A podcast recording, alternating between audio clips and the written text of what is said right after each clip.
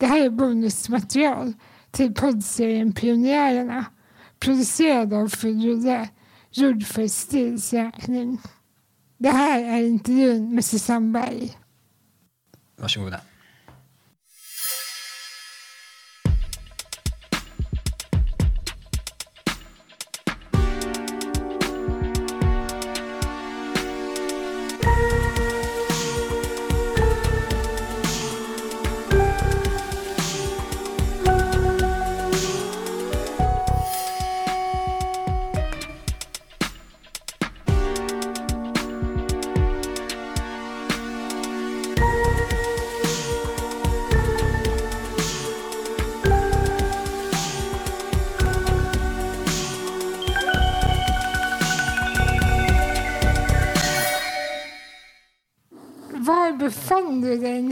1984?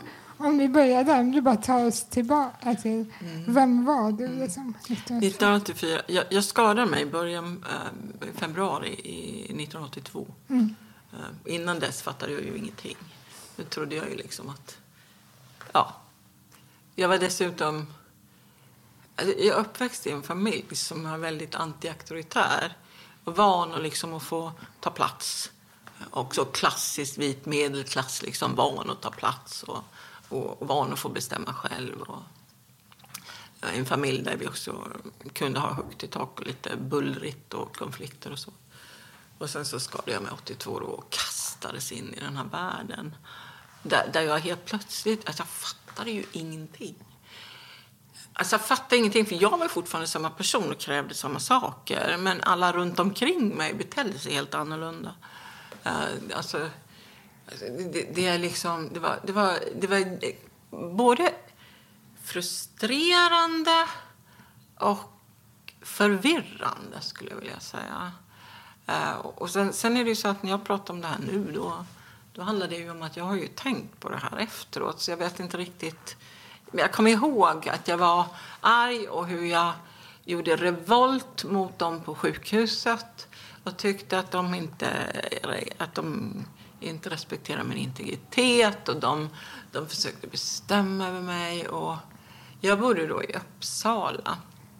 Eh, och det är ganska klart tydligt. I Uppsala fanns inte stil, fanns i, i Stockholm. Uppsala var ingen som pratade om stil. Eh, jag fick inte höra talas om stil förrän slutet på 80-talet. Mm. Um, så det, där från början var det ju så att min mamma hon, hon, hon visste ju vem jag var och sådär så att hon ville ju inte lägga sig i och bestämma över mig heller men ändå hade de eh, övertalat henne om att hon skulle ta hand om mig. Och då, I min värld skulle hon ju flytta upp till Uppsala och ta hand om mig. Sen nu inser jag eh, senare att de kanske tyckte att jag skulle flytta till Jönköping. Ehm, men hon skulle mer eller mindre ehm, i min värld sälja huset, sätta min mormor och morfar på något hem. De bodde, vi bodde i ett tvåvåningshus och sen så åka och ta hand om mig och jag bara tvärvägrade. Det står i min journal så står det att Susannes mamma har lovat att flytta upp och ta hand om henne. Uh, Susanne vägrar, hon ser inte realistiskt på sin situation. Så var det på den tiden. Hur, och när gammal, jag, hur gammal var du? 23. Yes. Mm. Ja, man, man kan ju tro att det var... Men, men jag har, det, det är min, eh, min journal, att jag ser inte realistiskt på min situation. Och det här är, jag skadade mig i början på februari. Det här är någon gång i maj. Och sen så är det sommar. Och då, när jag vägrade, då var de ju tvungna att titta på lite andra saker. I Uppsala fanns det eh, hemtjänst och det fanns eh, bo, boendeservice. Boendeservice var ju eh, hus med...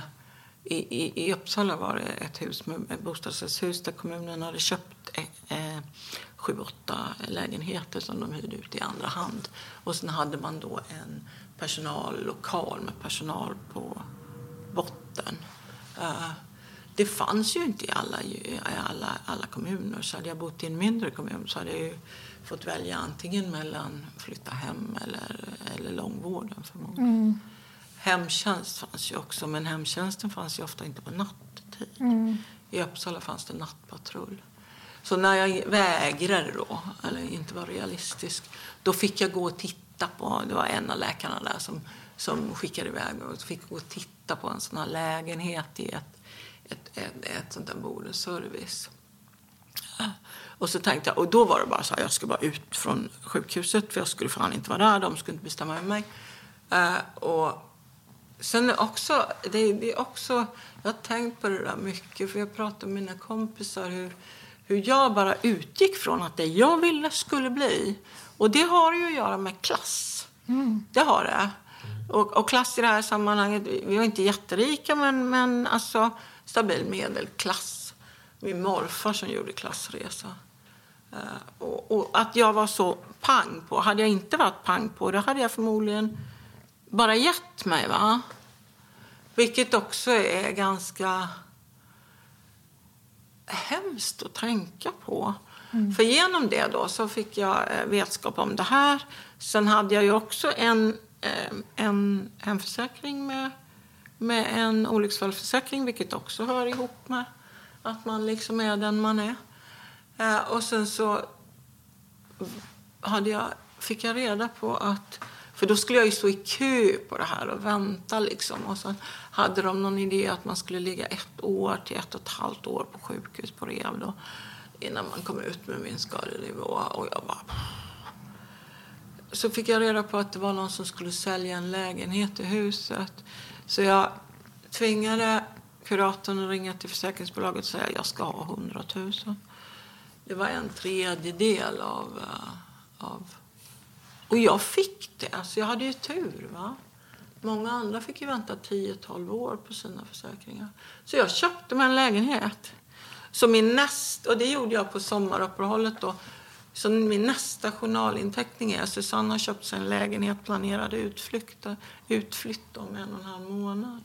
Så flyttade jag bara in där i boendeservice. För boendeservice då var ju det som fanns. Och det fanns personal på dagen, det fanns personal på kvällen och så fanns det nattpatrull mellan 11 och 7 eller vad det var.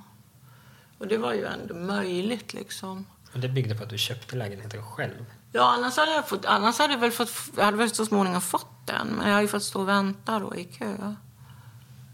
Så jag köpte mig fri från sjukhuset, det gjorde jag. Mm. Och sen så köpte jag mig fången i boendeservice då. Men, men boendeservice var någonstans det bästa som fanns då. Va? Eh, jag flyttade ut i 82, någon gång på hösten 82. Så, alltså, ja, kanske början på hösten, men ungefär lite drygt ett år, ett och ett halvt innan STIL startade flyttade jag, i stillstartade i Stockholm, flyttade jag in i boendeservice i Uppsala. Och där bodde jag då i, fram till 92. Mm. Mm. Och i Uppsala pratade ingen om stil. Jag, jag bråkade om tillgänglighet till universitetet för de flyttade, flyttade min institution till slottet, mm. Norra tornet till slottet. Vi var två stycken i rullstol som läste där, så det var inte så att någon inte visste om att vi fanns. Men, uh, och då bråkade jag med dem och då tog jag kontakt, bråkade med alla och så tog jag kontakt med DHR också i Stockholm. Och det var, var någon som sa, ah, men varför är du inte medlem hos oss då? Nej, för ni är så jävla mjäkiga. uh, och, och, då sa hon, ja men gå med då och ändra det. Och, och då gjorde jag det. Och jag kommer ihåg att en av de första grejerna där mitt på mitten på 80-talet då, kan det ha varit 85, 86 kanske. Så blev jag skickad på ett seminarium på Arlanda stad om förstärkt boendeservice. Och det var då DHRs eh, projekt Förstärkt boendeservice som löpte samtidigt med STIL. När STIL fick sitt projekt med assistans så fick DHR ett projekt om förstärkt boendeservice som, handlade, som var på, på Krukmakargatan här.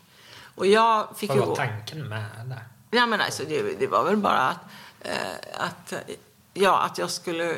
Alltså de vill väl ha någon som sysslar med service. DHR har ju aldrig riktigt varit så mycket inne på service. Och det beror ju på att de, de kom ur anstalten och så vidare. De, de har aldrig riktigt brytt sig om oss som behöver assistans. Det är ju senare tid när Wilhelm och så kom in. Men annars var det ju arbete och tillgänglighet och kollektivtrafik och bilstöd liksom. Moped innan det.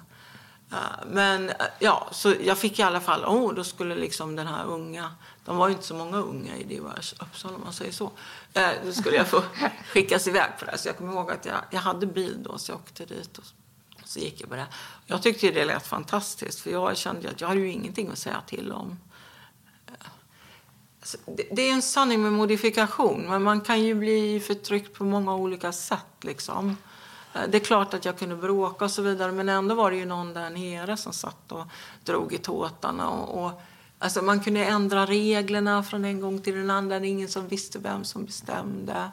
Eh, och, man kunde alltid liksom säga att Nej, men du spelar på skuldkänslor och mer eller mindre alltså, tala om att man ska vara tacksam. Och jag hade kanske bott där då fyra, fem år och var redan alltså, rätt rejält lack på alltihop. Så jag gick då på det här, åkte till det här seminariet på förstärkt boendeservice.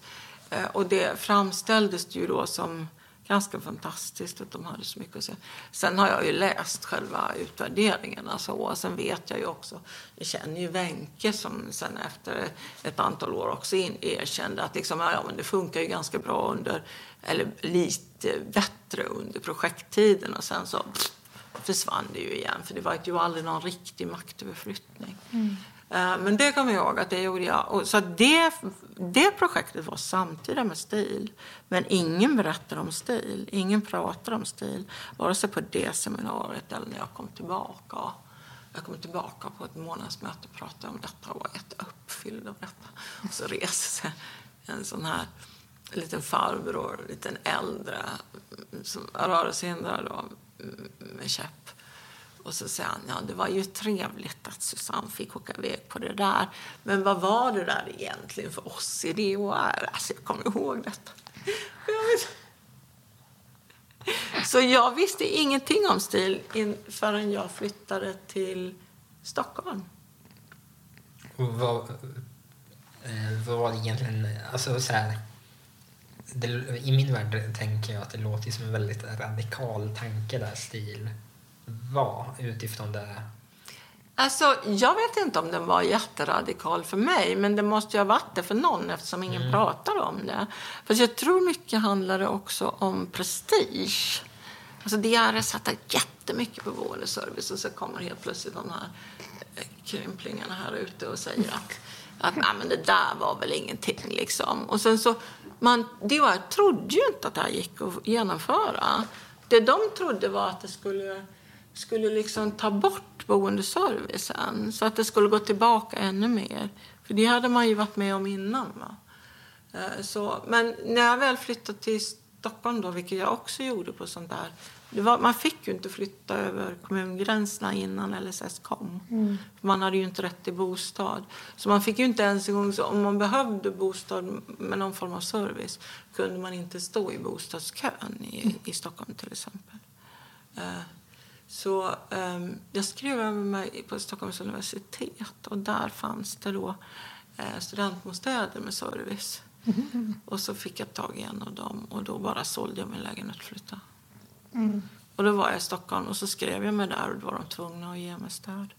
Och sen använde jag pengarna och letade efter en lägenhet i Stockholm. Så så tog jag mig över. Det är också sådär att det är ju inte, om inte jag hade varit jag med de kulturella ekonomiska resurser jag hade haft så hade jag inte tagit mig från, från Uppsala till Stockholm. Eh, och, och, där då, när jag väl fick... Först bodde jag ju med den här studentservicen. Eh, det var ju samma skit som boendeservice. Man hade ingenting att säga till om. Man kunde inte veta vem som kom. Det kunde komma eh, vem som helst. En del som funkar bra en del som inte kunde öppna en eh, ansjovisburk. Uh, och man fick inte välja kön på den som kom. Uh, och man hade ingen, ingen vare man hade inga integritetsgränser och ingen intimitetsgräns som inte någon kunde kliva över. Eh, och det gällde både ens kropp och ens hem. Eh, jag kommer ihåg nattpatrullen. Jag hade ju köpt min lägenhet så de som har bott där innan hade bytt, bytt luckor i köket så det var lite finare luckor sådär. Eh, Så jag vet att, att, att medan nattpatrullen var jag och var kissare då, för de kom varje natt och hjälpte mig på toaletten då, eh, så, så hörde jag hur de gick runt och inspekterade min lägenhet. Liksom. Och, Vad fint de har det! Eh, Och så, de har det. Och, och då, och då så så, jag så jag vet inte någon gång kommenterade det för någon. Och liksom så så här, ja så här skulle inte jag ha råd med. För jag rått sa, det skulle du väl visst det. Ta en jävla bra försäkring och kör, kör av vägen. Eh, det, det var också sådär, va, de har det liksom. Eh, Alltså det, det fanns, jag upplever att det, den, den attityden har inte förändrats. Utan det finns en avundsjuka för, för att man anses ha saker som är lyxiga. Assistans, lägenheter och annat. Som de inte fattar vad det är. För de har aldrig blivit... När jag säger de nu så menar jag normater alltså. Eh, de har aldrig blivit tvungna att fundera över vad kostnaden är och om det verkligen är värt det. Men då kom jag till Stockholm i alla fall och så småningom eh, hittade jag en lägenhet där som jag köpte då, en liten lägenhet.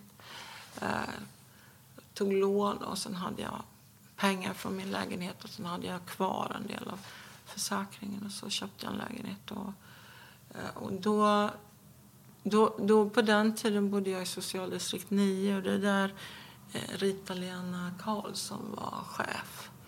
Hon som sen blev funktionshinderman, ombudsman i Stockholm. Och där fungerade ju assistansen alltså därför att hon såg till att det gjorde det. Eller det fel att säga. Det fungerade så bra som jag trodde assistans skulle fungera.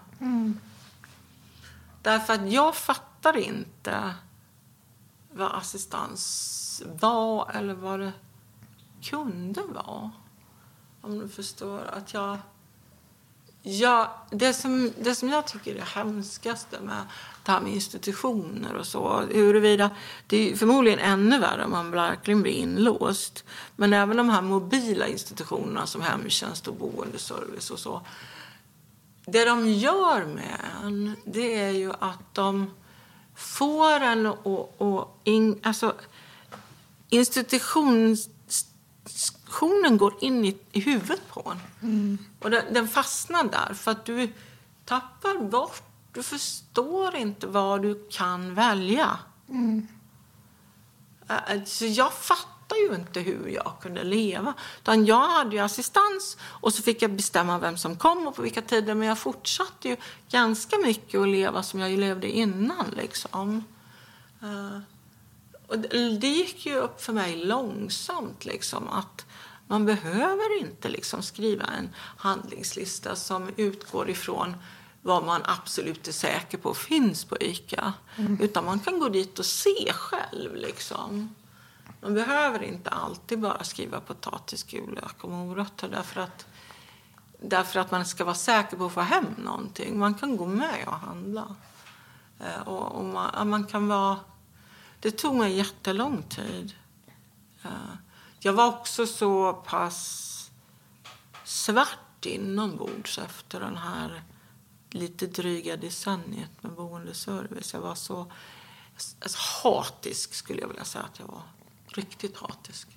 Mot, eh, Alltså mot, mot allt. Alltså, Mot mot, allt. Ja, ja, alltså mot det som gjorde en, men också mot mig själv. Alltså det, det vänder ju liksom. Det blir ju... Alltså man, man har inte, inte verktyg till att fatta vad det är. Så till slut hatar man allt. Man hatar situationen, man hatar personerna i det, man hatar sig själv, man hatar allting. Och man, man vet egentligen inte att man hatar utan man bara lever i den här becksvarta bara ilskan. Alltså, jag kan säga att jag hatar men det var en ilska som när som helst kunde bara explodera. Liksom. Eh, Och jag vet att jag förmodligen var ganska stängd. För jag vet att när, jag så småningom jobbade mig upp ur det där så fick jag ju helt andra respons av folk och det har förmodligen att göra med kroppsspråk och ansiktsuttryck. Men, men jag var... Så att jag, jag levde det där länge. Riktigt länge. Långsamt kom jag ur det. Så jag ska inte säga att det var pang bom från en dag till en annan. Mm. Jag fattade inte, även efter att jag fick assistans, vad man kunde ha assistans till. Utan jag fortsatte liksom att begränsa mig själv. Men hur, hur såg den resan ut? Liksom? Jag tänker så här, från där att vara så, liksom, känna sån ja, men så mörkt. Ja, precis. ja. Till att liksom ändå leva med i er. Alltså, någonstans så, så, så sökte jag fick jobb. Jag fick jobb på DHR, på förbundskansliet. Och först fick jag någon sån där projektanställning med någonting. Jag, vet, jag satt i sitt rum och det var sommar och semester. Och så började telefonen ringa och jag visste ju ingenting. Jag fick säga, ta, ja, så jag sa liksom, okej jag lyssnar och så tog jag saker och sa ja, okej jag återkommer. Och så fick jag och så läsa, läsa, läsa och hitta och sen så svara. Och det började ju någon form av Alltså jag hade nog börjat den resan innan, att fundera över min egen situation rent politiskt. Eh, Så jag började läsa ganska mycket eh, för att få någon sorts verktyg. Eh, Och, och läste inte engelsk litteratur, disability studies, svensk eh, handikappkunskap Mm. är inte min grej. Jag tycker inte att den ger en verktyg. Mm. Jag tyckte inte det då, jag tycker inte det nu. Så småningom fick jag ju höra talas om stil också. Och jag känner så här att när jag väl fick höra talas om independent living och så. Jag vet det här, det här är en sån där sak som Adolf har sagt en gång till mig när vi, vi pratade om det eller jag gjorde någon intervju med honom. Så.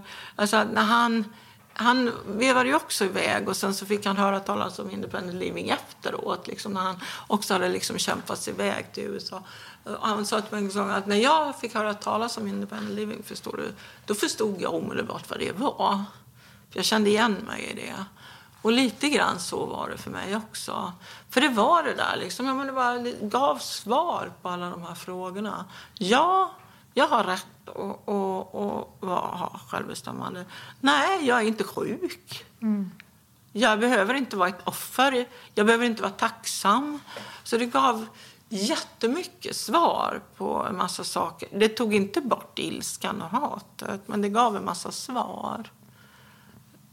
Ja, jag har gått i terapi för att, eh, Eh, för att jag insåg till slut att jag inte klarar av själv att hantera och, och, och ta bort den här hatet och ilskan.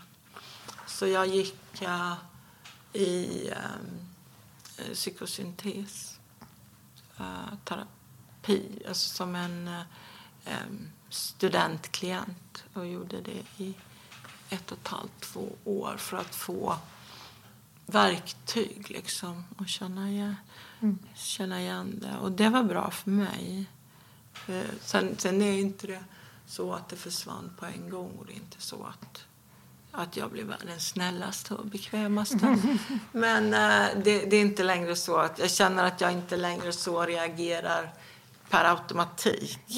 Men jag känner så att jag, innan var jag som en, någon form av eh, dator som hade fel på defaulten. Jag reagerar alltid med den här. Alltså det var automat, det var, när programmet startade så var det det här. Och det, det är inte så längre. Sen har nog jag alltid varit en sån där person som inte tolererar vissa saker. Och det kan vara ganska jobbigt för folk. Men å andra sidan är det inte sagt att det ska vara så bekvämt alltid. Så så var det. Så att jag, jag kan inte riktigt komma ihåg när jag fick höra talas om stil första gången. Om det var för att jag läste om det eller om det var eh, i samband med att man började prata eh, om assistansen. Alltså själva utredningen, handikapputredningen som la förslag om LSS och personlig assistans och så kom ju där när jag precis hade börjat jobba på DHR. Mm. Och där stod det ju ganska, en del i alla fall om stil. Och sen läste jag en hel del själv. Men eh, det tog mig ett tag innan jag blev medlem i STIL. Jag ville, för, för mig var det... IL är liksom en, ett sätt att leva. Det behöver inte innebära att man är med i STIL. Uh, utan det är mer en, en politisk, både politisk och personlig är ideologi. För den är både en, en personlig på den individnivå men också en politisk på den kollektiva. Eh, men eh, jag eh, associerar inte den nödvändigtvis med att vara medlem i STIL. STIL har ju också ganska länge framställt sig som ett assistanskooperativ. Eh, och även om man har försökt under perioder göra eh, politik så är väl som alla andra eh, organismer. De förstenar och blir lite institutionaliserade. Sen, sen försöker man röska upp det och det går lite fram och tillbaka. Men, eh, så det tog mig ett tag innan jag gick med i STIL. För jag hade ju idén om att jag ska inte administrera mitt liv. Det skulle ju, det skulle ju inte administreras, det skulle ju levas liksom. Mm. Jag har så mycket att säga om det här. Men, men jag vill inte avbryta heller. Ja. Men jag tycker väldigt, eh, just det eh, men där du säger så här, jag vill inte administrera mitt liv mm. är verkligen något som eh, jag kan relatera så hårt till i, mm. i relationen till, eh, till ja, men just att bli medlem i STIL. Det är ju mm. det är inte alls många år sedan jag blev medlem. Ja. Alltså, trots att jag nog ändå ja. präglat den liksom, IL-tanken ja. som levde i hela mitt liv. Och, ja, jag gick verkligen igång på den formuleringen här. Eh, Problemet är ju att, att efter ett tag så inser man att det är mindre jobbigt att administrera sitt liv. Eh, mindre jobbigt och mer belönande att administrera sitt liv än att be någon annan göra det. Mm. Vilket ju är sorgligt, men sant. Och då, då, till slut så blir det liksom någon sorts val där man väljer det för att det är det som på något sätt måste göras för att jag ska få det där livet som jag ska iväg och leva. Uh, men jag kan inte egentligen tycka att jag skulle vilja det. Om, om jag hade... Om det skulle kunna fixa sig på annat sätt och bra så, men fine, då skulle jag göra något annat med min tid och min ork. Det är väl ingen människa som vill ha personaldiskussioner eller hantera bemanning. Alltså, det är ju hemskt. Äh, ja. Men när alternativet är liksom tanten på socialdistrikt 9 eller en, en handläggare på något kontor på en um, firma som liksom dessutom ska bestämma vad jag får använda mina pengar till eller ej. Mm. Och sen ska göra, göra vinst på en... Då, då, är, finns det, då är ju det här... Då är ju stil eller egen låda det som är Ja. Det kanske finns andra. Det finns ju småkooperativ. Folk som har gemensamma småkooperativ. Men numera kan man ju knappast starta ett. För man måste ju ha, man måste ju ha så mycket pengar i och med att det är efterbetalning. Så mm. Det gör ju att man är kvar där man är kanske längre. Så, så är det. Så att nej, jag, jag tycker, men, men så är det ju. Man får bara bita ihop och inte se sig som offer. Åh, oh, du Tobias. oh, nu har jag pratat jättemycket. Mm. Det var första frågan som vi ens har utgått ifrån. Mm. Jag, jag, jag, jag har pratat in på typ men... alla frågor. Mm. du var inne på det också, att så här, du beskriver personlig assistans. För dig, det var inte så här en nattboende service och nästan att totalt igen mm, Nej, därför att jag bodde ju i... När jag flyttade ifrån eh, studentbostaden mm. på Lappis mm. då med servicen där och in till stan så hade jag ju lite mer att säga till om i och med att där fanns ju en, en chef då som, eh, som liksom... Eh, så att där hade jag ju Alltså, ungefär som det som man brukar kallas eh, fas 1. Att man, fick, man, man hittar folk som man ville anställa och sen, eh, sen anställde eh, kommunen dem åt den. Men, men det, det var ju ändå inte... Så, så då fick man ju åtminstone bestämma människor. Så här. Sen hade inte jag jättemycket assistans då, därför att jag på något sätt fortsatte väl. Men man är ju alltså man är olika också. Jag är ganska mycket en vanemänniska. Det tar mig ganska lång tid innan jag inser att jag kanske vill något annat.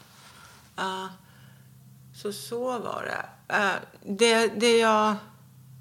Det jag kan komma ihåg var att när, även efter att jag hade flyttat från Lappis, från studentbostäderna och, och till ehm, um, in till stan då hade en del personer i början där innan assistansen kom. Då hade jag eh, en del personal som hjälpte mig med vissa saker och sen så kom nattpatrullen och, och kvälls och nattpatrullen och hjälpte en i säng. Och det kan jag komma ihåg att, att de, de var fortfarande den här gamla boendeservicen och det. Jag kommer ihåg att jag var ute någon gång och körde bilen och så skulle jag hem. Och så, eh, jag kunde då flytta mig ut ur bilen själv. Eh, det var den enda förflyttning jag klarade av. Liksom. Så att, att, och så var jag försenad hem, så jag ringde och sa jag kommer inte vara hemma förrän då och då, så ni måste, ni måste komma lite senare. Um, och sen så kom jag hem, jag hade precis kommit upp och de kom genom dörren och så är det en tant uh, i sånt här henna, färgat hår, eh, lite lockigt permanent sådär. Och så, så står hon där och så säger ah, börjar hon liksom ondgöra sig över att jag inte är där på bestämd tid. Eh, och det, det eskalerar lite. Jag försöker liksom inte säga för mycket skit. Eh, och jag vet att jag tyckte illa om henne innan. Det här är på hösten innan assistansen kommer. Och, eh, Och då vet jag när jag är i säng så ligger jag där man ligger liksom näck eller vad, jag vet inte om jag hade någon t-shirt, vad fan jag hade. Eh, och så står hon där över och liksom, eh, och så säger jag till henne, men hur skulle du känna om någon behandlade dig på det viset som du behandlar mig nu?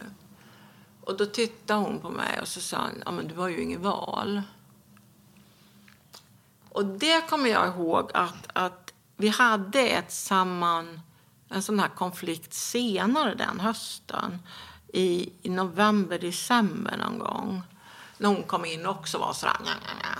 Och att jag då tittade på henne och helt iskallt bara sa Ja, men nu är det ju så att efter, efter nyår så får jag ju välja vem jag har som hjälper mig i säng. Och då får du ju gå till dem som väljer dig, om det finns några. Så du och jag kanske bara ska koncentrera oss på att se de här sista veckorna och låta dem gå så trevligt som möjligt. Elakt som fan, alltså. Mer eller mindre säger liksom... Vad jag menar var ju liksom att när jag får lov att välja så får inte folk som du någon jobb. Ja. sen är det ju tyvärr så att folk som hon fick ju fortfarande jobb efteråt. Men, men i min värld, alltså där kan jag känna att det kändes som wow, någonting kommer att hända. Någonting kommer att hända.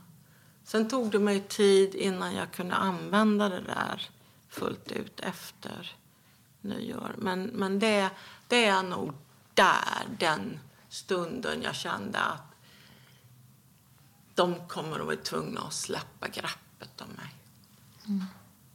Men för det du berättade ju verkligen hur eh, det sker en maktförskjutning. Mm. Ja. Mm. Alltså så extremt tydlig maktförskjutning. Ja. Eh, Det spelar ingen roll, för hon säger du har ingen, du har ingen val. Och sen två månader senare talar jag om för henne, jag har ett val och jag väljer bort dig. men det är så, ja. För det, det är ju det, det, är det IL är. Det handlar ju egentligen på den positiva sidan mycket om att välja till. Men det är inte att förglömma att man också har rätt att välja bort. Va? Precis. Och det är någonstans inte helt fel. Nej, jag, alltså, jag kan tänka tillbaka på eh, ett helt gäng snedrekryteringar som har slutat med att man eh, bara... Väljer bort. Eh, Okej, du får nog gå någon annanstans. Ja, och så känner jag så här att även... Ibland är det ju så att Ibland är det så att folk bara inte ska ha det jobbet mm. därför att de klarar inte av att vara någonstans där man har möjlighet att utöva makt utan att faktiskt snedtända på det. Eh, och då, då ska man nog inte syssla med människor. Eh, men ibland handlar det ju också om att man är olika som personer. Ja, men precis. Ja. Sen finns det ju skitstövlar, både funkisar och ej. Så, så är det ju. bara himla tur. Det är bara normalare som är skitstövlar, tycker jag. Tycker du? Ja, nej. Nej, det, men, det, jag tror att, men jag tänker att jag har en högre tolerans att... för att invalider är skitstövlar än att normater är skitstövlar. Eh, av den enkla anledningen att... Eh, eh, av just hur samhället ser ut, ja. Ja, mm. men också utifrån att så, de är mer som mig. Och jag är också en skitstövel ibland. Alltså, jag kan känna så här att vi, vi går ju alla genom livet och blir på något sätt skadade av det. Alltså mer eller mindre skadade blir ju alla. Vi går ju alla genom livet med våra ärr och så vidare. Herregud, vi är ju uppvuxna i någon familj i alla fall. Och familjer kan ju vara hur bra som helst, men det är ju ändå, ändå liksom... Om man som funkis så, så, så konfronteras man ju dagligen med med ett samhälle som, där man egentligen inte är särskilt välkommen. Så att, uh, det är inte så konstigt om man blir arg och hatisk och ibland låter det spilla över.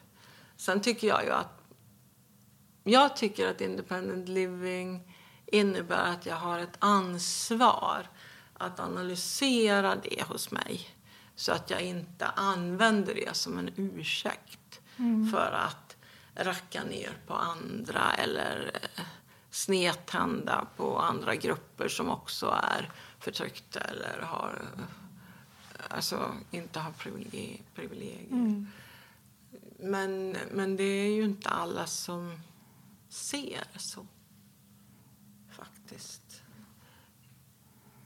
Jag tänker på, jag var och höll seminarium i Trelleborg ett år 2010, 11 någon gång.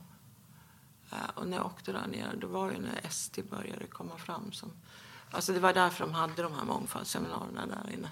Efter hur resultatet var på valet något år innan så hade de mångfaldsseminarier. Det gick ju sådär om man säger så. Det blev inte bättre.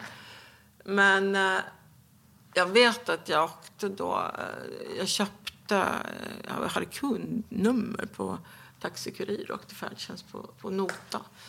Det är också intressant för det visar också hur pass skillnad i behandlingen man fick. Eh, men eh, då berättade han för mig att det var väldigt mycket funkisar där nere som faktiskt hade dragit sig mot ST. Och, och så är det nog. Så man ser sig själv som undantryckt och diskriminerad och så vill man skylla på någon annan. Men det där i, i, i modernt fenomen, tänker jag. Alltså, det är ju inte, vad det, tre år sedan som eh, Magdalena Andersson, eh, finansminister, stod mm. och, och underbyggde just den konflikten som jag tänker mm. eh, många möter eller ser kanske i, i sin vardag. Mm. Eh, även fast eh, jag gissar att vi är ganska överens om att det är en falsk konflikt. Så, ja. så äh, ja, men just den här motsättningen mellan att äh, asylmottagande var mm. väl och mm. äh, personlig assistans eller LSS. Ja, som, alltså som assistans, assistansersättning var det ju. Mm. För det var ju då de började. Att assistansersättningen, fast man började ju prata om det långt innan. Ja. Man pratade om fusk och annat. Men det var så uttalat då? Ja, just den hon sa det att man hade inte råd med det så att uh, därför behövde man liksom ett eller det andra. Det är fascinerande. Det ska ju föreställa någon sorts vänsterparti det där, uh, Socialdemokraterna. Mm. Mm. Men när, när var det du var i Trelleborg? 2010 tror jag. På våren, hösten innan våren, sommaren. Det var väl val 2010? Ja, det stämmer. Ja. Så de hade sökt då och de hade mångfaldsseminarium för alla fasta anställda i kommunen. Och där hade jag eh, två eh, pass om funktionalitet på eftermiddagarna. Och då, då kom det, man visste inte vem som kom, bara satt i salen. man har ingen aning om. Salig blandning. Det var ju också intressant, men, men ja, det gick ju ganska okej okay så småningom. Men jag tror att jag tror inte att utbildningsinsatser um, är det som fungerar. Tyvärr. Jag tror att utbildning kan vara bra, men uh, du kan aldrig utbilda så många enskilda individer så att det blir en förändring i systemet. Och folk har en tendens, alltså det, det vet man ju med sådana här eh, socialantropologiska undersökningar att folk har en tendens att bete sig så de, som strukturerna är byggda och som förväntningarna är. Och det är ju relevant utifrån institutionalisering också, att vi, vi beter oss på det viset som mm strukturerna är eller som vi förväntas bete oss. Sen brukar jag alltid försöka hålla i tanken att det finns en liten, liten procentandel folk som faktiskt inte gör det. Så man får liksom sträva åt att komma dit. Så är det. Men jag vet inte, det är, det är sorgligt att se hur det har blivit alltihop.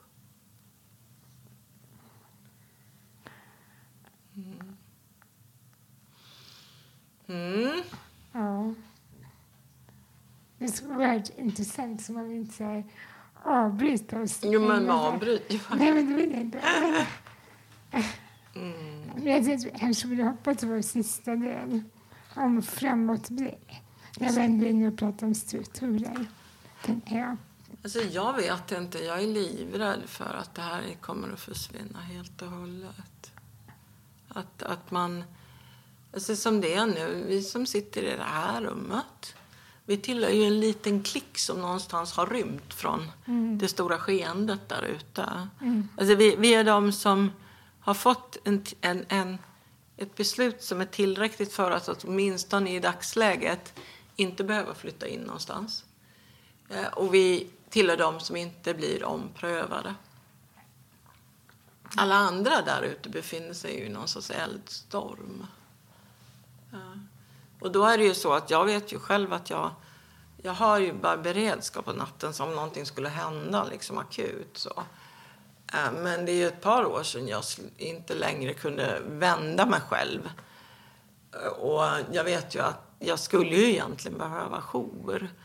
Eh, så att jag skulle kunna vända mig själv. För att, att jag vaknar ju och ligger och har ont i flera timmar. Liksom. Men, men jag vågar ju inte söka fler timmar av rädsla att då...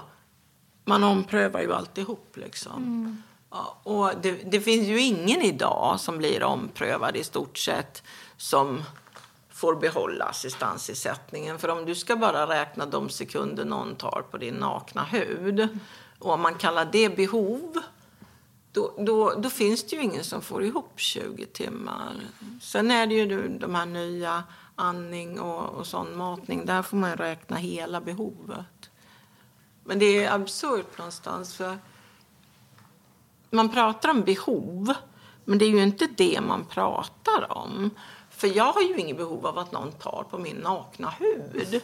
Det är ju en aktivitet som ingår i behovstillfredsställelsen att gå på toaletten. Och om jag inte får, om jag inte får hela den tiden som det tar mig att gå på toaletten så är jag ju inte, är jag ju inte tillgodosedd genom att någon ger mig en tiondel av den tiden. Så, så det, det, handlar ju inte om behov längre. Det handlar inte heller, det är inte heller behoven som, som är avgörande, vilken typ av behov det är, utan det är assistentens aktiviteter. Mm. Så, så Försäkringskassan har ju Försäkringskassan och efter den kommunerna, för de rasslar ju efter. De har ju, de har ju liksom förflyttat sig längre och längre ifrån verkligheten. Och, och så befinner de sig någonstans där, där människor då... Så jag vet inte var det här ska sluta. Jag tror också när man tittar på sjukförsäkringen så är jag rädd att Försäkringskassan har kört sönder hela trygghetssystemet i och med att man har kört sönder tilltron till den myndighet som ska förvalta och bevilja de trygghetssystem som vi alla är, är, är beroende av. Och då, då, finns det en stor grupp av personer där ute som fortfarande tror att det här fungerar. Och så finns det en, en mindre grupp, men ökande stor, som vet in på bara skinnet att den här myndigheten har ballat ur eh, och att trygghetssystemen inte längre fungerar eh, och att den myndighet som har till att förvalta dem och, och se till att vi alla ska leva gott, liksom, alltså färdas väl är ju välfärd någonstans för mig, tillsammans. Att den myndigheten, den har liksom kört sönder sig själv. Med, med, alltså på egentligen på begäran av politikerna skulle jag vilja säga. För, det, för det, det, är ju inte så att myndigheten själv gör det här utan det är ju genom politiska budskap och, mm. och andra sådana och, och regleringsbrev och budget och allt möjligt annat. Så jag är lite orolig inte bara för assistansen utan jag är lite orolig för hela det svenska välfärdssamhället. Mm. Faktiskt. För jag känner det att om, om man kör sönder den myndighet som ska svara för socialförsäkringen. Alltså. Och det är ju den försäkring. Liksom. Och jag tänker socialförsäkring, ja, jag hade en personlig försäkring som tog mig ut från sjukhuset och som tog mig vidare i, i förlängningen till Stockholm. Uh, och sen har jag en socialförsäkring som tog mig ut ifrån institutionsbiten. Alltså det, det är ju försäkringen vi pratar om även om, oavsett om de betalar mina pengar eller betalar via skatten av våra gemensamma pengar så är det ju, vi betalar allihopa in till dem med någon sorts förhoppning att vi ska slippa få ut. Mm. Folk pratar ju om socialförsäkring ungefär som jag får inget ut någonting och jag tänker men du kanske ska vara jävla glad för det. Mm. För du betalar, ju inte, du betalar ju inte en hemförsäkring i förhoppning att ditt hem brinner ner. Alltså, utan du betalar ju den i förhoppning att det inte sker, att du inte ska behöva få tillbaka pengarna. Men jag tror att... Alltså jag är lite rädd att vi har kört sönder alltihop. För om inte socialförsäkringen fungerar mm. då finns det ju ingen anledning för mig att betala skatt. Så då försvinner viljan att betala skatt. Och då försvinner ju hela, liksom, hela underlaget för välfärdsstaten. Så, så jag är jävligt, jag är jävligt oroad. Men jag tänker spontant att eh, är det inte... Om man tittar på eh, liksom, den politiska beskrivningen idag så pratar man ju allt mer om liksom, ja, ytterkantspartierna som eh, växer och att väljarna går åt liksom, liksom. ytterkanterna. Och Uh, men min spontana tanke när jag lyssnar på dig nu ha? är ju verkligen att men, inte det i sig en yttring för att också uh, tilltron till, till systemet och till uh, makten också sjunker. Uh, det kan, jag vet inte. Det är väl en hobbyspaning möjligtvis. Men, ja, ja, jag vet menar, faktiskt inte. Ja, men ja. Om vi återgår till liksom Sverigedemokraterna och den verklighetsbeskrivningen så är det ju väldigt mycket att men det här är ett samhälle som inte fungerar. Eh, och, och, samma sak återfinns väl egentligen på, på vänsterkanten också. Eh, även fast man har delvis andra verklighetsbeskrivningar så är det ju fortfarande, alltså grundbulten är ju på något sätt att, att välfärdsstaten, välfärdssverige inte är vad, vad det en gång har varit eller vad det kan vara. Ja, alltså jag skulle vara mindre orolig om det var så att man faktiskt pratade politik. Mm. Jag upplever, det, upplever idag att vi pratar om vi pratar om, om kantpartierna eller, eller ytterpartierna utifrån en enda fråga och det är någonstans invandring. Mm. Och det är som att hela vår politik i Sverige idag bara handlar om det. Absolut. Och det tycker jag är, det, det, är ett jätteproblem för så länge som det är så, så, så kommer inte det här att... Förstår du? Det, det, det, här som jag pratar om handlar ju egentligen om Sverige och strukturerna och våra gemensamma system och så. Inte vem som nödvändigtvis ska finnas i dem. Och vi har en tendens idag att allting hamnar i den här frågan om invandring eller ej. Och för mig är den sekundär.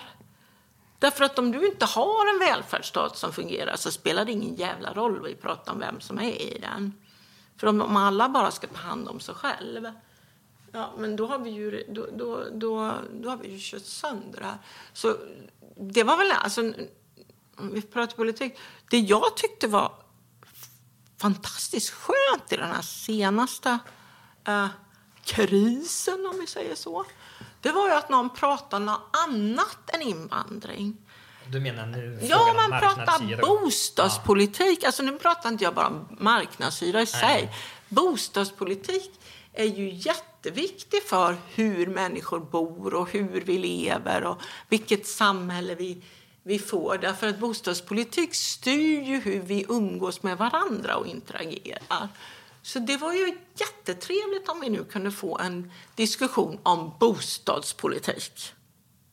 Det vore jättetrevligt om vi kunde få en diskussion om socialförsäkringsförmåner utan att diskutera invandring i samarbete med det. För då är vi ju tillbaka till någon form av vettig politik. Och då kanske det finns en möjlighet att diskutera och stadga upp och få- folk att förstå att assistansen inte är en stort fuskhål, inte är dyrare och inte på något sätt blir bättre för att man sätter in folk på institutioner. Men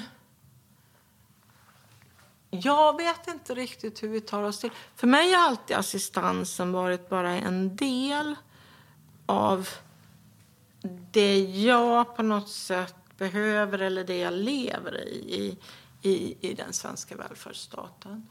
Och jag tycker att, att vi har ju haft, eller vi har en fantastisk land om man jämför med många andra. Men vi håller ju på att fullständigt förstöra det. Och, och i det läget så är det så att då ryker ju förmodligen de som är eh, mest marginaliserade först. Jag tänker man ryker assistansen, man ryker folk som är långtidssjukskrivna.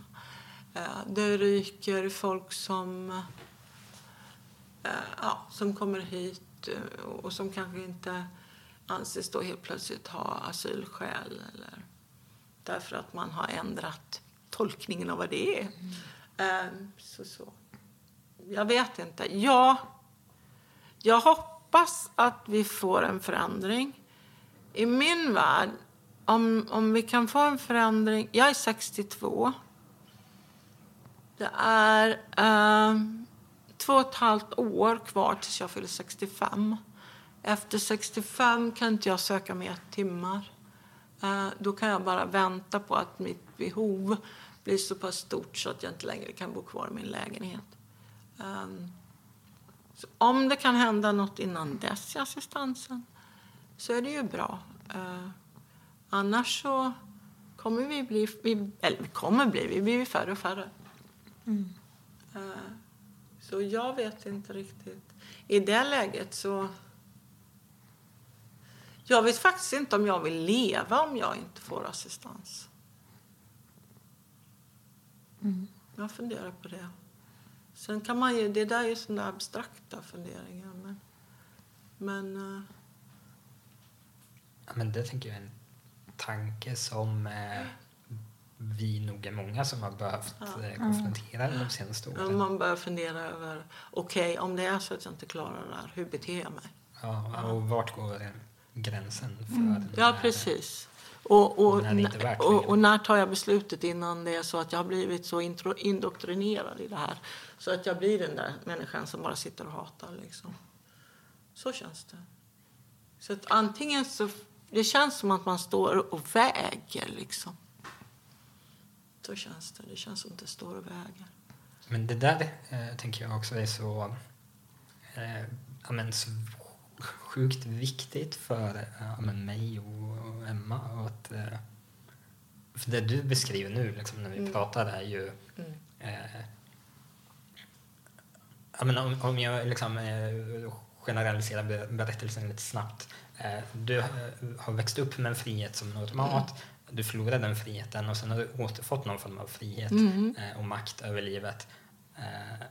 Att, och då blir ju tanken på att ytterligare en gång bli av med den förstår jag helt. Eh, Ja, alltså, jag vet ju vad det är. exakt, du vet ju. Vi... Dessutom tror jag att det är värre nu, förstår du. För jag känner ju folk som bor i sådana här LSS-boenden. Och jag hade mer rätt att bestämma över saker och få hjälp med fler, fler små grejer än vad de har nu. För nu är det ju sådär liksom att, att jag känner ju folk som bor i LSS, eh, såna här, mm, LSS-bostäder, servicelägenheter med precis på samma sätt som boendeservicen. Där, där personalen inte... När de städar så städar de runt om katten har spytt på golvet därför att det ingår inte att ta hand om katt. Förstår du? Om, katten, om katten råkar skvätta ut en bajskorv bredvid lådan eller lite sand så städar personalen hela lägenheten men inte där. Därför att det ingår inte att ta hand om husdjur. Om de går och handlar gemensamt, om man går med och handlar och man har rätt till det, så, så kan du inte förhandla kattsand.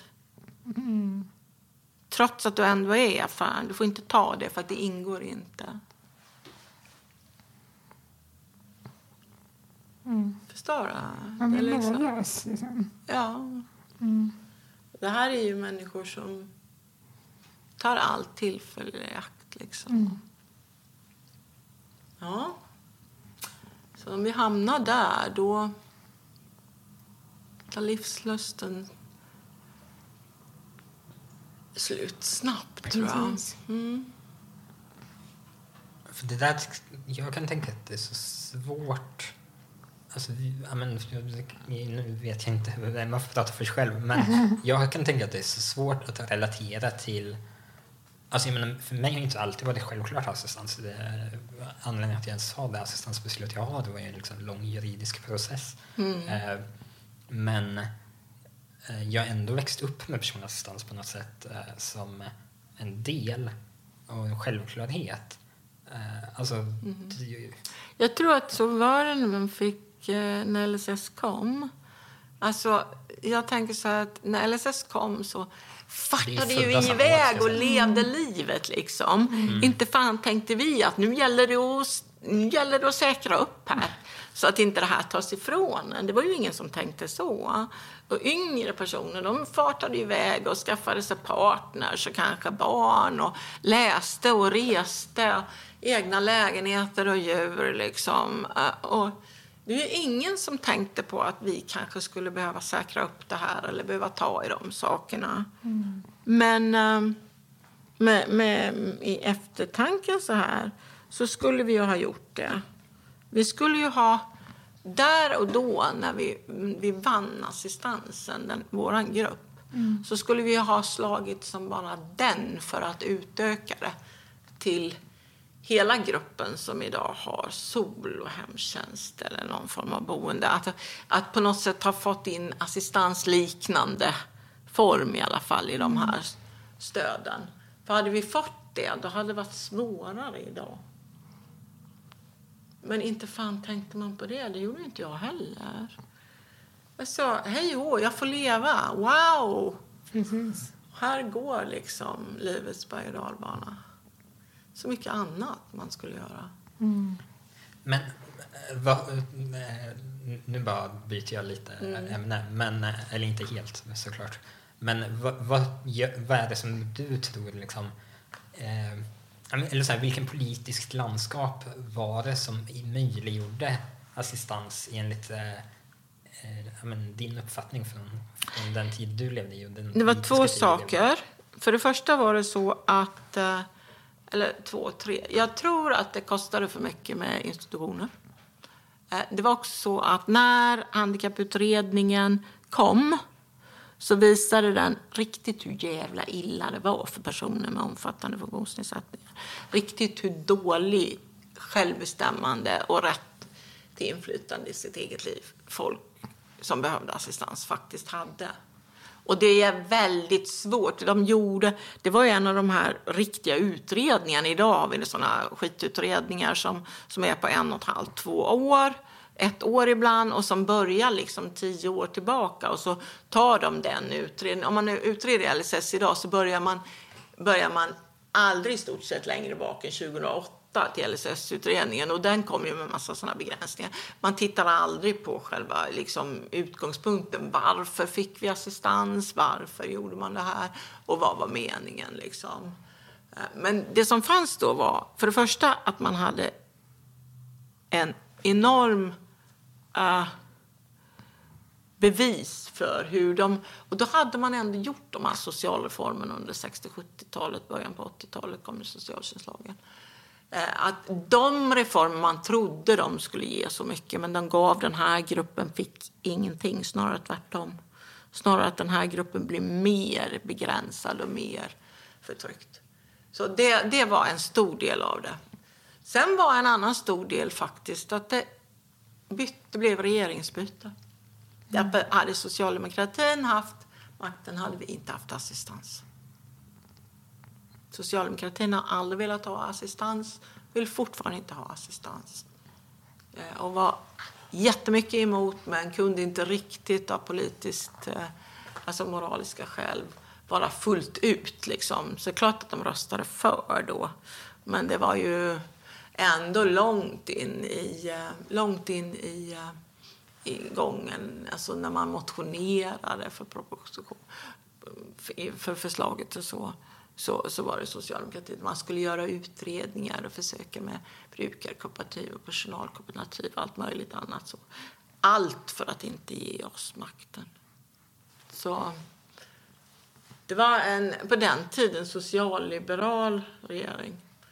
Eh, och det var, eh, som Jonas brukar säga, att, att det var en, en socialminister som hade mer makt än finansministern eftersom han var Eh, ordförande i det parti som finansministern tillhörde. Eh, så idag finns det ju inget socialliberalt parti kvar. Eh, så det är svårt. Men det är min... Det är min tro. Det är det jag är övertygad om. Att det handlade för det första om att man hade så det visades upp så hemska resultat om hur folk levde så det klarar inte riktigt det svenska samvetet av. Och sen så när man då skulle göra någonting åt det så blev det den här eh, regerings... Eh, eh, skiftet. Mm. Regimskiftet kom ju i 92... Kan det ha kommit 92? Eller 90. Det var, 91, man, ja, just det. Vi hade tre års regeringar där. Ja, precis. Och sen, men sen var det ju... Nej, det var på 70-talet när det var massa såna här... De gjorde regeringsombildningar och så. Men, men nej, för det var ju en, en, en... Och så att det fanns socialliberaler då. Eh, och jag tror att socialliberalismen plus att Bengt Westerberg på något sätt hade tidigt varit och besökt STIL och hade sett assistansen som en en faktisk eh, social, eh, en socialliberal reform, alltså som existerade i verkligheten. Att det blev en symbol för välfärdsstaten för honom. Det är ju, jag vet inte riktigt om någon gång tidigare eller senare en, en funkisfråga har, har varit en symbolfråga politiskt på det viset. Att, att en funkisfråga har symboliserat en politisk riktning, om du förstår vad jag menar. Mm. Så jag tror att det var flera sådana saker, men jag är helt övertygad att om inte, om inte det hade varit ett regimskifte om inte det hade varit utredningen som hade visat så dåliga resultat, hur uruset folk bodde och hur taskigt folk hade det Eh, när det gäller självbestämmande. Och om det inte hade blivit regimskifte, om det inte hade funnits eh, socialliberaler som hade haft assistansen som politisk symbolfråga för sin politik jag tror att det var ett antal såna lyckosamma eh, grejer som hängde ihop. Jag tror faktiskt att... Jag tror inte att vi hade haft det annars då hade vi haft förstärkt boendeservice. Så är det. Men om, jag skulle, om det skulle, assistansen skulle tas bort idag, då skulle jag... Jag skulle inte flytta in i en, en boendeservice eller LSS-bostad. Jag skulle klara mig ute med hemtjänst så länge det gick. Mm. Bara för flyttar du in där så har du ingen möjlighet att få det tillbaka om vi, om vi ehm, någon gång får det tillbaka i så fall.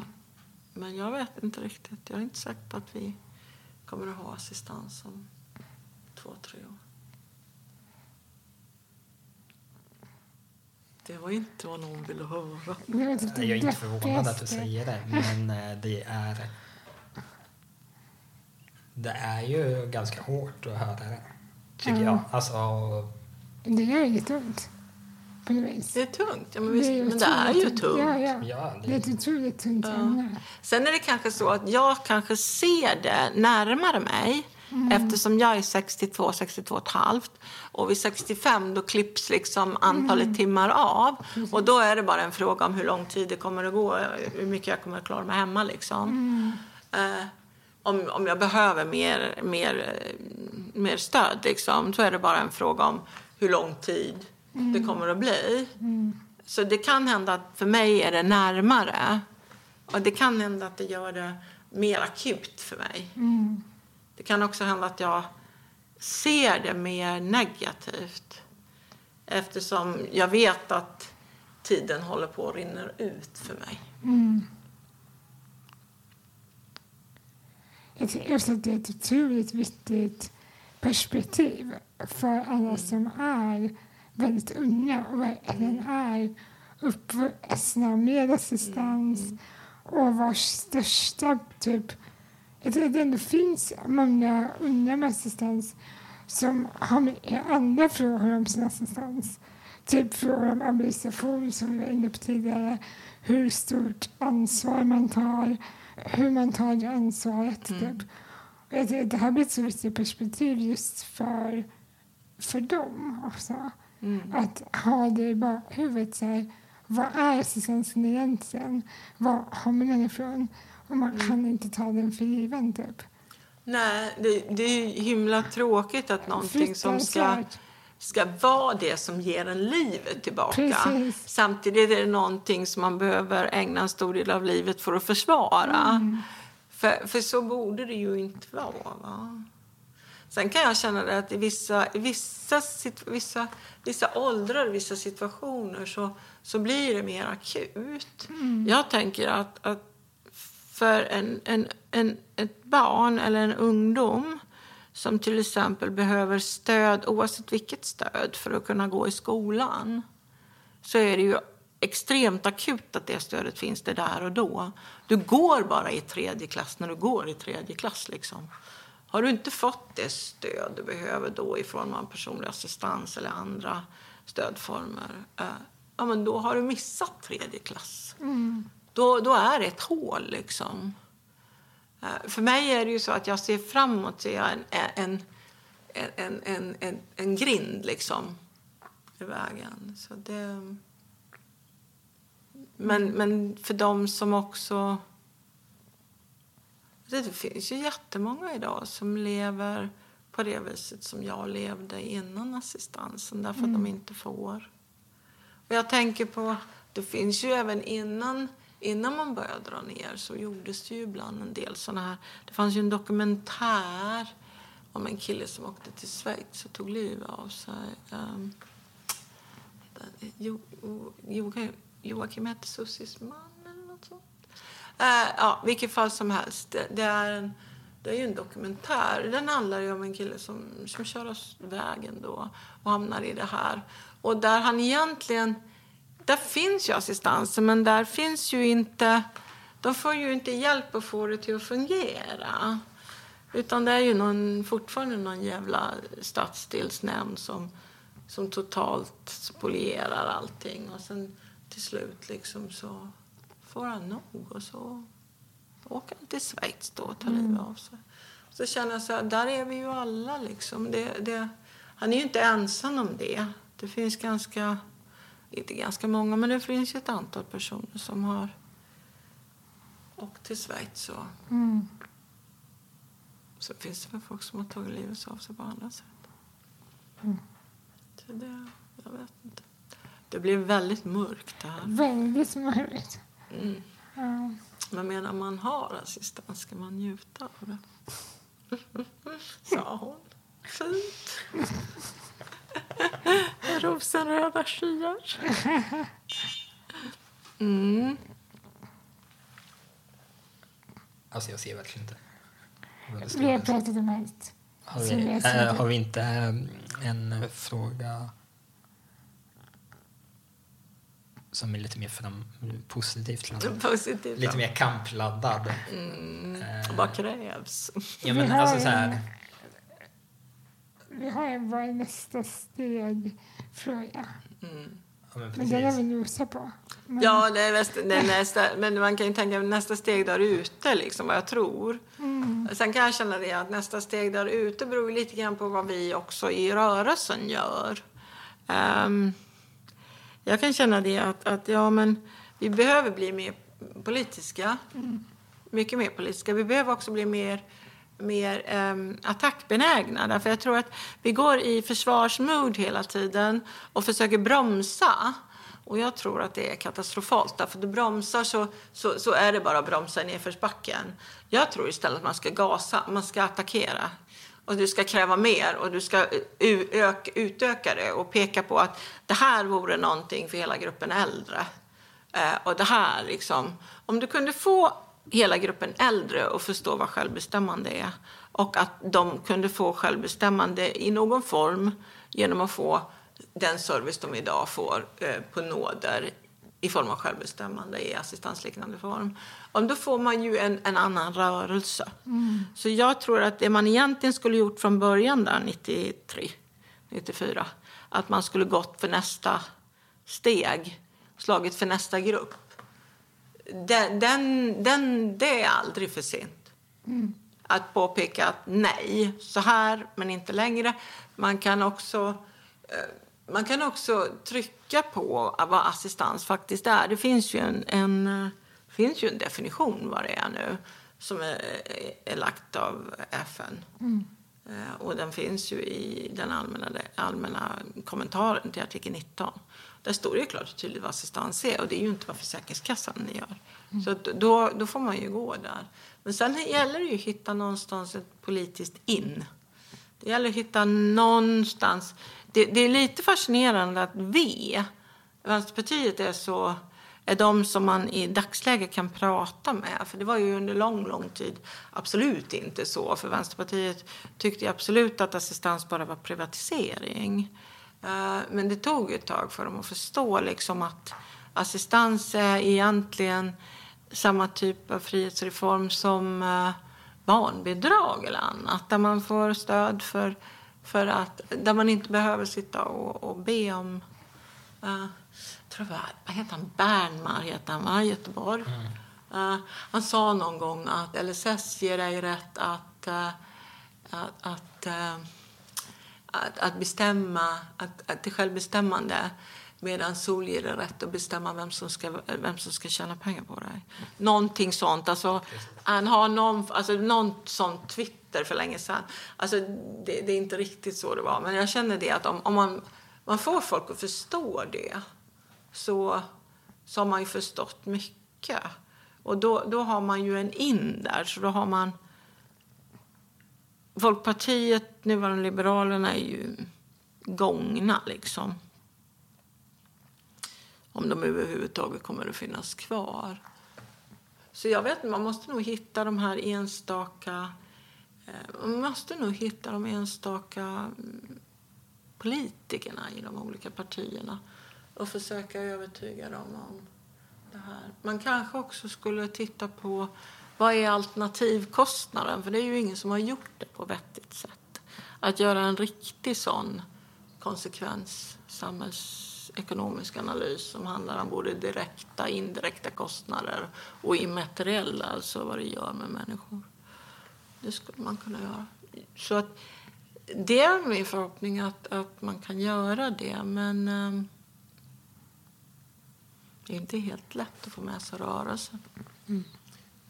Rörelsen är ju splittrad. Man kämpar liksom för, för det man själv ser för sin grupp direkt framför sig. Tyvärr.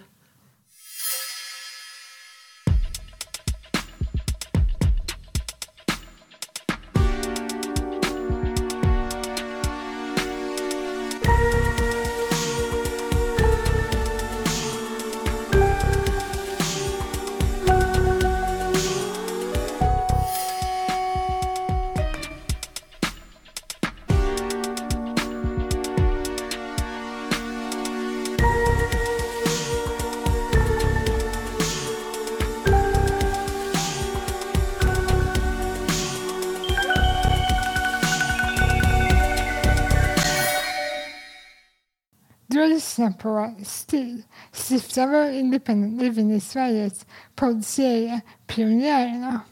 Producerat av Fulla Rulle, Emma Åstrand och Tobias Holmberg. Musik av Anders Åstrand och ljud bearbetat av Thomas Bolin.